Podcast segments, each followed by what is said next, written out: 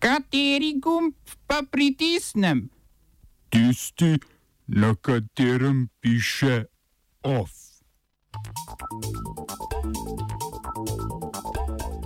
Odstop še dveh malteških ministrov zaradi umora novinarke. Evropski poslanci potrdili novo Evropsko komisijo. Na Hrvaškem in v Bosni in Hercegovini brez pouka. Avtori o filmski nagradi Evropskega parlamenta.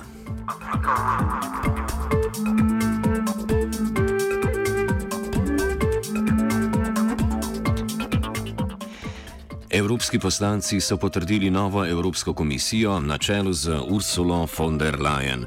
Za komisijo pod vodstvom Nemke je glasovalo 461 poslancev, proti jih je bilo 157, 89 jih je bilo vzdržanih. Von Leinova je v nagovoru obljubila občutne spremembe za vse prebivalce Evrope, je pa tudi omenila končno spolno ravnotežje komisarskega kabineta. Njeno sporočilo je, kot sama pravi, preprosto in sporoča: Začnimo delati. V svojem 45-minutnem nagovoru je tudi povdarila, da svet potrebuje vodilno vlogo EU-ja. Ozirajoč se na Balkan je rekla, da vrata ostajajo odprta, čeprav dejanja določenih držav članic kažejo nasprotno. Med ključnimi nalogami nove komisije je izpostavila vprašanje podnebja. Omenila je tudi vprašanje vladavine prava ter namignila Polski in Mačarski, da glede vladavine prava ne more biti kompromisa.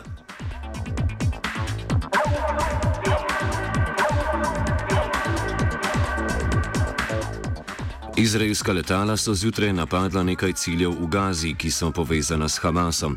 Kot pravi izraelska vojska, gre kot veleva tradicija le za odgovor na raketo iz palestinske enklave.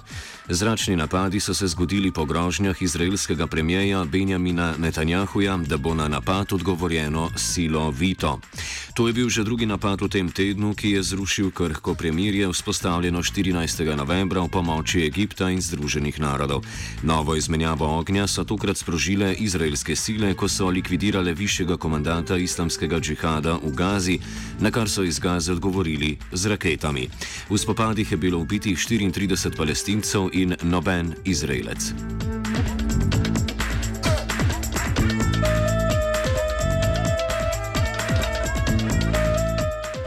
Palestinski demonstranti so na okupiranem ozemlju Zahodnega brega, kot veleva tradicija, skorili lutke z liki Donalda Trumpa, Majka Pompeja in Benjamina Netanjahuja v znak obsodbe ameriške politike, ki sedaj izraelskih naselij na palestinski zemlji ne smatra več za nelegalne. Tako je prejšnji teden zunani ministr ZDA Mike Pompeo objavil, da Združene države ne nasprotujejo obstoju izraelskih naselbin, saj naj ne bi bile v nasprotju z mednarodnim pravom, vendar organizacija Organizacija Združenih narodov meni drugače.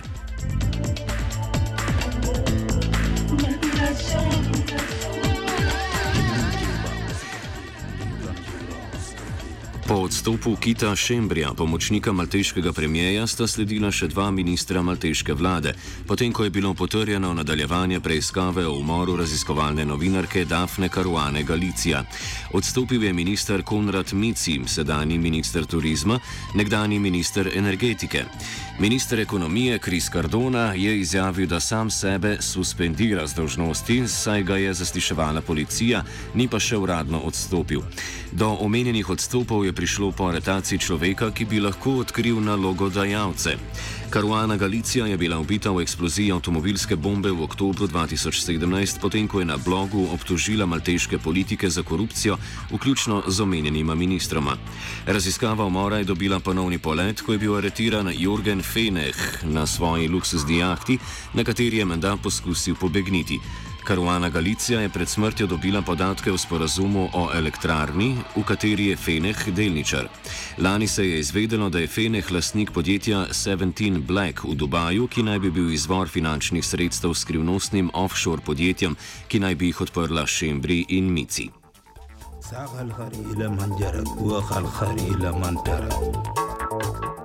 Iz mednarodne koalicije pod vodstvom Saudove Arabije so sporočili, da bodo spustili 200 hutijskih zapornikov v Jemnu. Ob tem so napovedali, da bodo okrepili sodelovanje s Svetovno zdravstveno organizacijo pri organizaciji letalskega prevoza iz jemenske prestolnice Sane, ki je od leta 2016 zaprta za komercialne lete. Saudova Arabija v Jemnu podpira mednarodno priznano vlado, pod nadzorom ima morsko mejo ter zračni prostor, hutijski uporniki pa prestolnico Sano. Pred skoraj enim letom, natančneje septembra, sta sprti strani dosegli dogovor o izmenjavi 15 tisoč zapornikov, a so ga uresničili le v majhni meri. Vojna se medtem nadaljuje.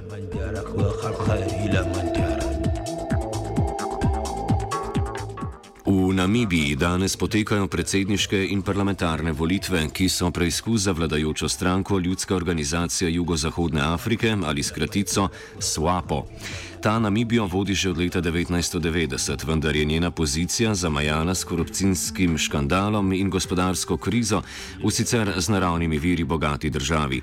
Sedajni predsednik Haig Gaingob, ki se poteguje tudi za naslednji mandat, je v bodaji prvega volilnega glasu na osnovni šoli v prestolnici Windhoek izrazil prepričanje v zmago ter dejal, da je demokrat.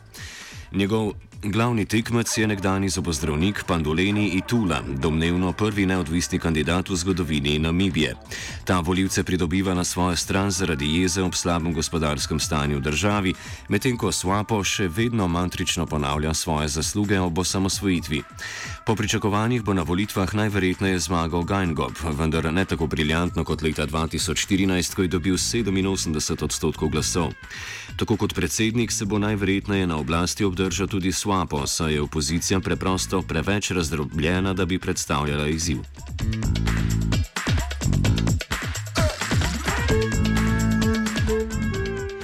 Gangobovo vlado, ki je večinsko sestavljena iz članov stranke Swapo, je ta mesec prizadela Wikileaks objava pod vzdevkom Ribje gnitje.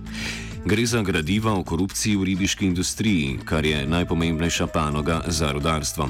Gradiva razkrivajo prejemanje podkupnine vladnih uradnikov od islandskega podjetja, ki je v zameno imelo še naprej dostop do namibijskih ribolovskih območij.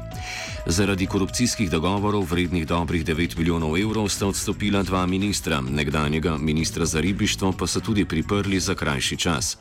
Gajngop je zanikal kakršnokoli upletenost v korupcijske zadeve, povedal pa je, da so dokumenti v javnost namerno prišli sedaj, da bi škodili njegovi kampanji.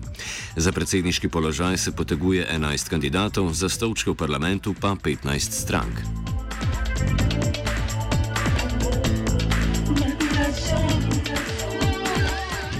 Hrvaškem se danes pričakuje, da bodo učitelji in ostali delavci v izobraževanju prepričljivo zavrnili predlog vlade o zvišanju plač. Več o verjetnem nadaljevanju stavke učiteljev v offsajdu ob 17.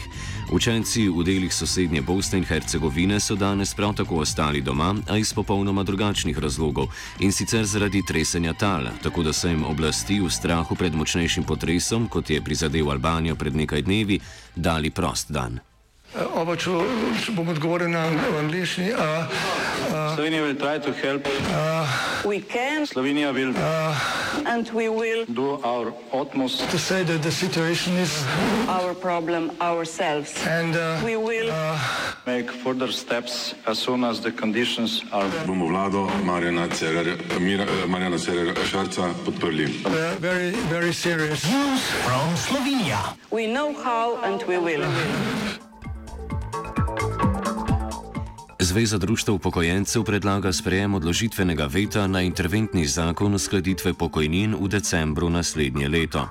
Zakon o ukrepih na področju plač in drugih stroškov dela v javnem sektorju za leti 2020 in 2021 določa uskladitev vseh pokojnin v nominalnem znesku 6,5 evra, ne glede na višino pokojnine, če bo, gosp če bo gospodarska rast najmanj 2,5 odstotna. Več pove predsednik Zveze društv upokojencev Janez Sušnik. Veste, bili smo izredno presenečeni, ko smo kar naenkrat vedeli, da bomo izredno usklejevali v nominalnem znesku, ne po procentih, in zato so naši organi, ko spremljajo eh, gmotni položaj upokojencev, takoj zasedali in ugotovili smo, da je to nikakršno usklajevanje, že tako je izredno usklajevanje v zelo nizkem procentu ali procent, letos bo procent pa po. Eh, če pa gledamo, kdo bo dobil šest pa po, tisti, ki ima 400 eh, evrov pokojnine, bo dobil 4 evre, drugače bi dobil šest pa po, dejansko se to res, bi rekel, to poniževalno in neusklajeno in sistemsko ni urejeno, ker sistemski zakon tega ne dopušča. Ker se prispevki plačujejo vse v odstotkih in se tako tudi usklajevanje more izplačati v odstotkih, pa nič drugače ne gre. Če pa hočemo spremeniti zadevo okrog pokojninskega sistema izplačilo, potem pa terjamo širšo obravnavo in pa širši konsens, da se to lahko tudi vzakoni, tako kot je treba. OF je napravila AKG.